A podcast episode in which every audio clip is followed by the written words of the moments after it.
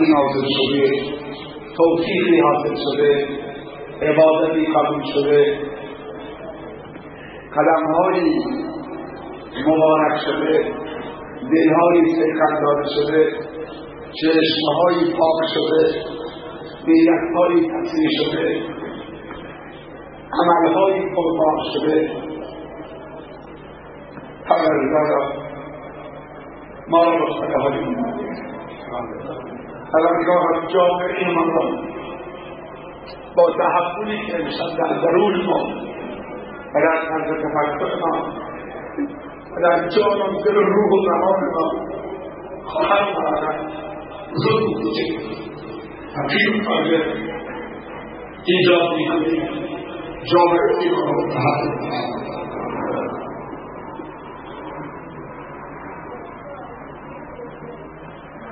پیامبر بزرگ اسلام در حدیث میفرماید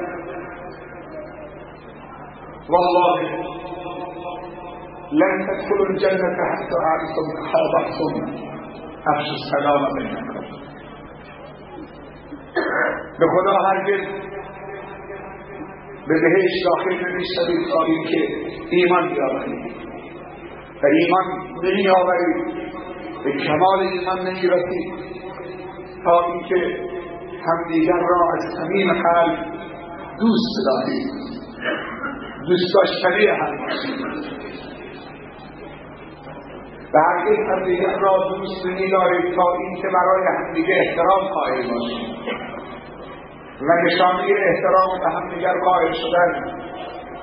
هنگام ملاقات دست هم را فشردن و لبخندی در صورت برادر زدن و گفتن این کلامه السلام علیکم و رحمت الله تعالی و برکاته چقدر ما نیاز داریم که خدا را داریم چقدر ما نیاز داریم که همدیگر را به خاطر خدا داریم بیایید انگیزه دوست داشتنی ها رو تطبیق کنیم به خاطر مسائل پوش مدرم به خاطر منافع زود گذر به خاطر رفاقت به خاطر دنیا و رسیدن به مال و منال دنیا همدیگر را دوست نداریم. بیایید به خاطر بقای مطلق که با مردن پناه حاصل نمی شود زندگی خودمون را تجدید بکنیم و بقای خودمون را بقای بکنیم. تکبیر.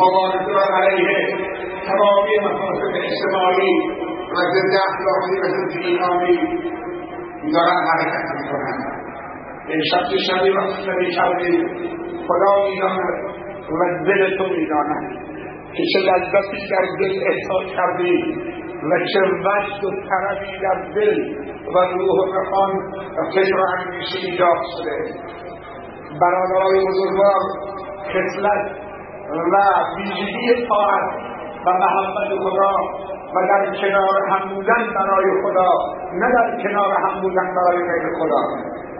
باور بکنید که هیچ سعادتی معادل اون نیست شاید یک سوالی به ذهن سروران و بزرگواران عزیز و ارزشمند خطور می‌کنه که چرا امشب از علمای بزرگ دعوت نکردیم برای ایران سخنرانی. علمای بزرگ جایگاهشان را در جامعه ما و در افکار ما و در دلهای ما جوان نوجوان قرار گرفته. به خاطر اینکه برادرای جوان جوانای عزیز ما وارد میدان صحنه بشن به خاطر اینکه مجالی داده باشیم به خاطر اینکه فرصتی داده باشیم به خاطر اینکه درد دلهای همه را بشنویم. سعی کردیم بیشتر برادرهای دانشجو و غیر طلبه پشت این میکروفون قرار بگیرند اگر یک طلب صحبت دین بکنند صفا دارد اما به صفا و ارزش یک دانشجوی متخصص در غیر مسائل دینی که میاد پشت میکروفون مذهب و دین حرف دین را می‌گوید تاثیر ندارد متخصصین ما اگر که متعهدین ما باشند و بیان مسائل دینی را مطرح کنند چه زیبا برادرمان سخن گفت و چه زیبا برادرمان آیات تلاوت کرده. از یک طلبه هم برید برادر بزرگوارمان آقای محمود خوشحاوی رشته کامپیوتر از بندر کن. در میناب با جمعی از دوستان تشریف آوردن. ازشون خواهش کردیم. چند کلمه در خدمتتون باشد. با اون صوت زیبا و با اون صحبت علمی و ارزشمند اما با انگیزه با انگیزه خدایی.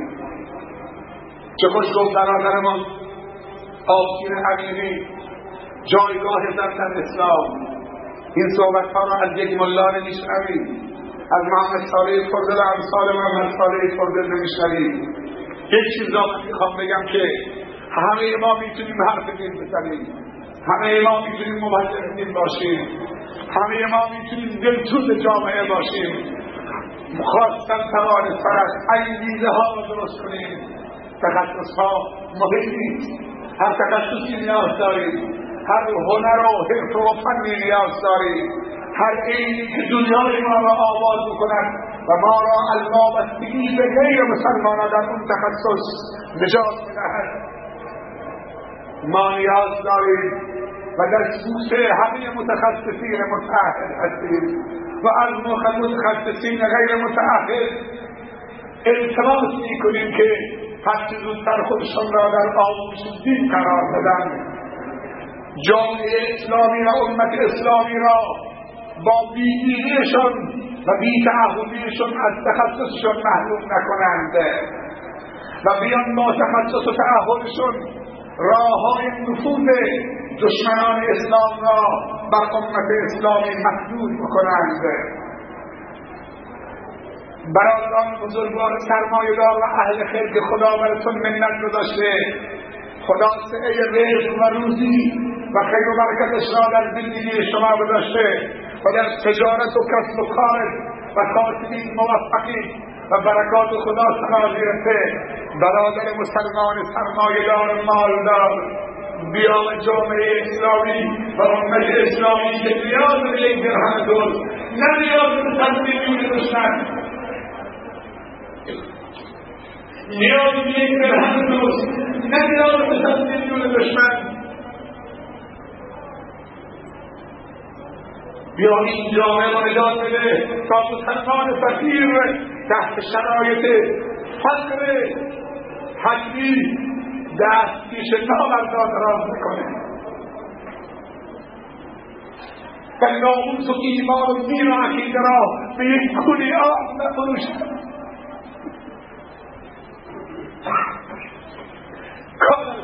یکون کفرا نزدیک فقر تبدیل به کفر شه و مسلمان فقیر از شدت فقر به کفر کشانده بشه وقتی کفر غنی و تبدیل می‌کنه چقدر برادرای فقیر ما را نصرانی کردند و سلیب و کردنشان انداختن بعد از زیر قرآن در سیره هاشون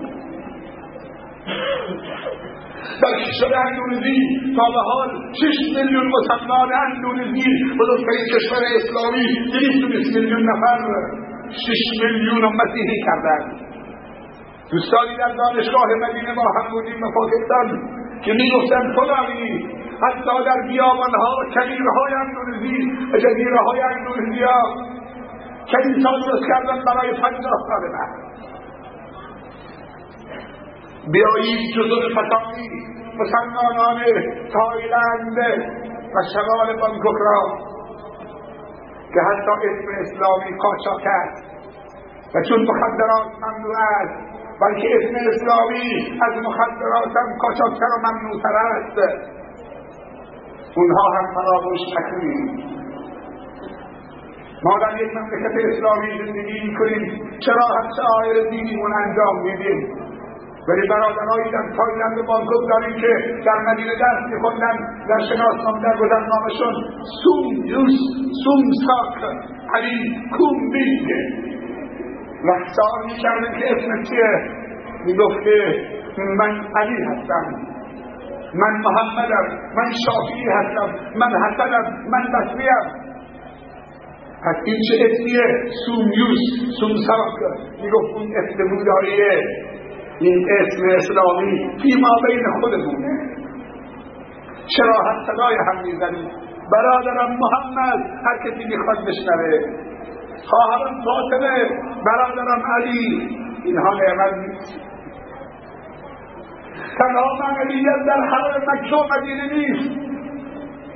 هر کجا که انسان بخواهد به معنا برسد؟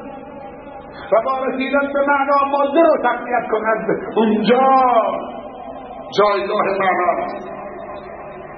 هر شب شب قدر اگر قدر بدانی و اگر قدر ندانی شب قدر هم سر جد است. شب قدر هم سر شب جد است. چقدر مسلمان ها در شب قدر پاسو و برک بازی می‌کنند. همین امروز در همین کوچه ها تعدادی رو دیدم که سیگار به دهن گرفته بودن. ماشین ترمز دادم گفتم برادرم اتق الله. این کاری کرد. البته مستعجل بود از اینجا نبودن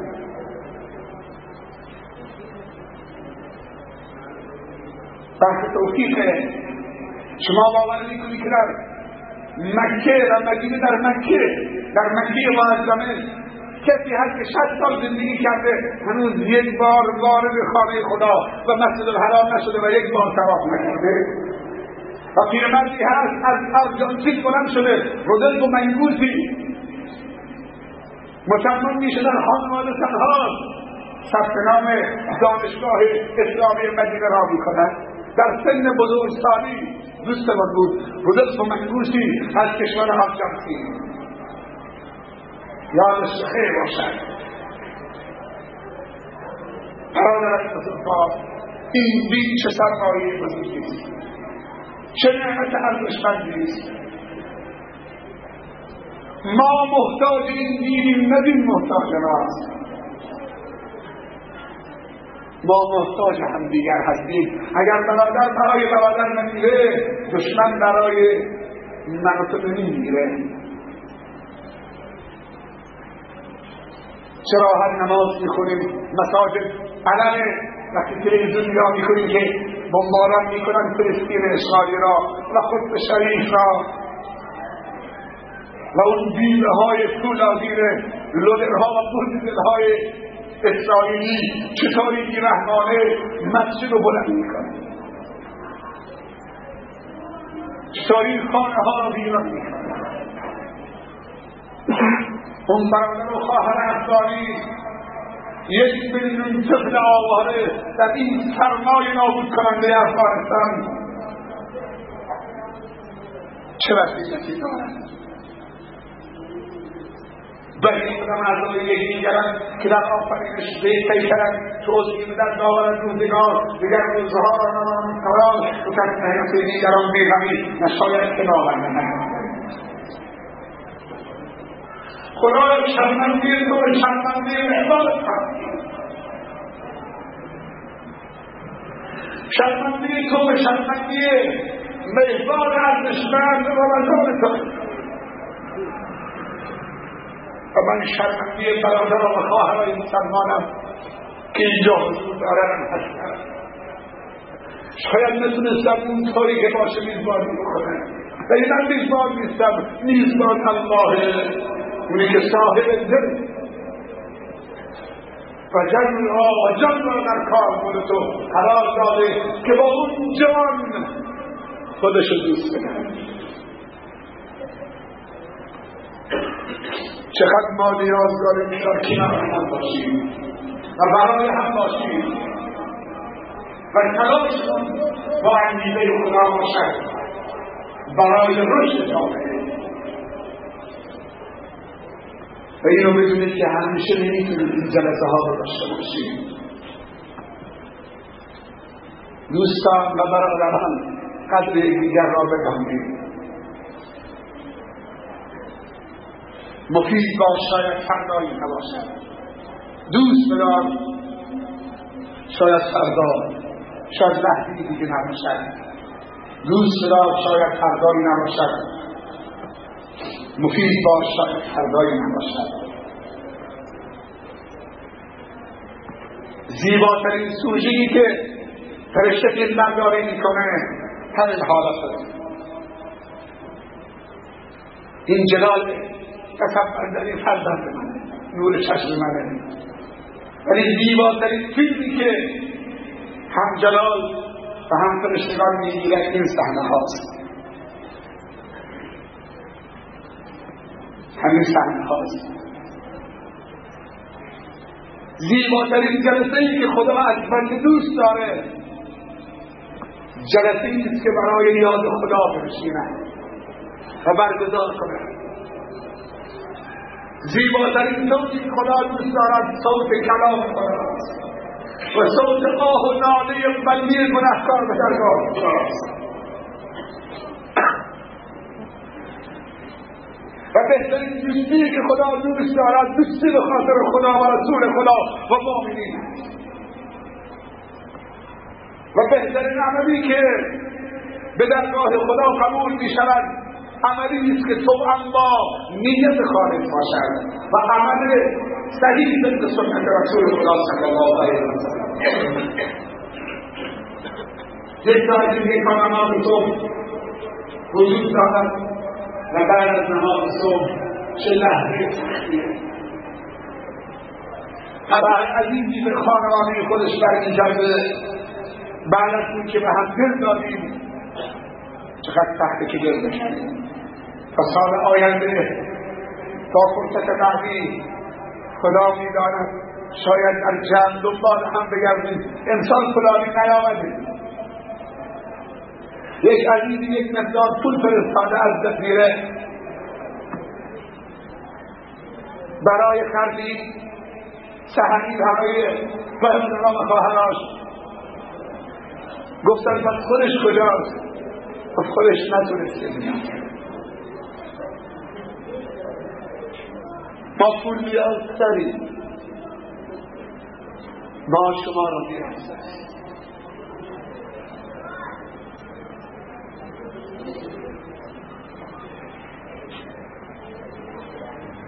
خداوند این نشست ما و این محبت ما و این صفا و صمیمیت ما و این عبادت ما و این ختم قرآن ما دو تا خط اینطوری میشن راه دور و درازی رو طی کردیم.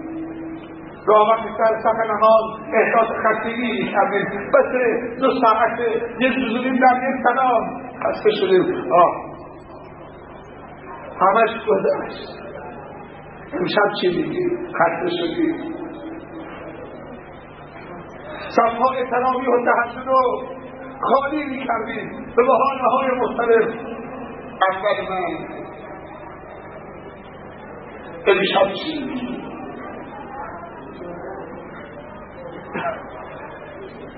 از آمدن رمضان. نگران بودید دیگه نخورید دیگه رمضان چه زود آمد؟ ولی گفتی چه زود آمد؟ نمیگی چه زود را.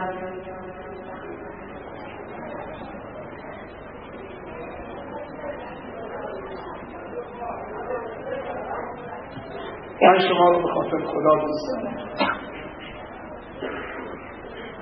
و از دور از دلهای مملو از صفا و صمیمیت و محبت شما بوسه می‌زنم و به این محبت و این دوستی افتخار می‌کنم خداوند این محبت دوستی خودمون را روز قیامت در میزان حسنات من قرار يوم لا ينفع مال ولا بنون الا من اتى الله بقلب سليم الاخلاء يومئذ بعضهم ببعض الدب الا المتقين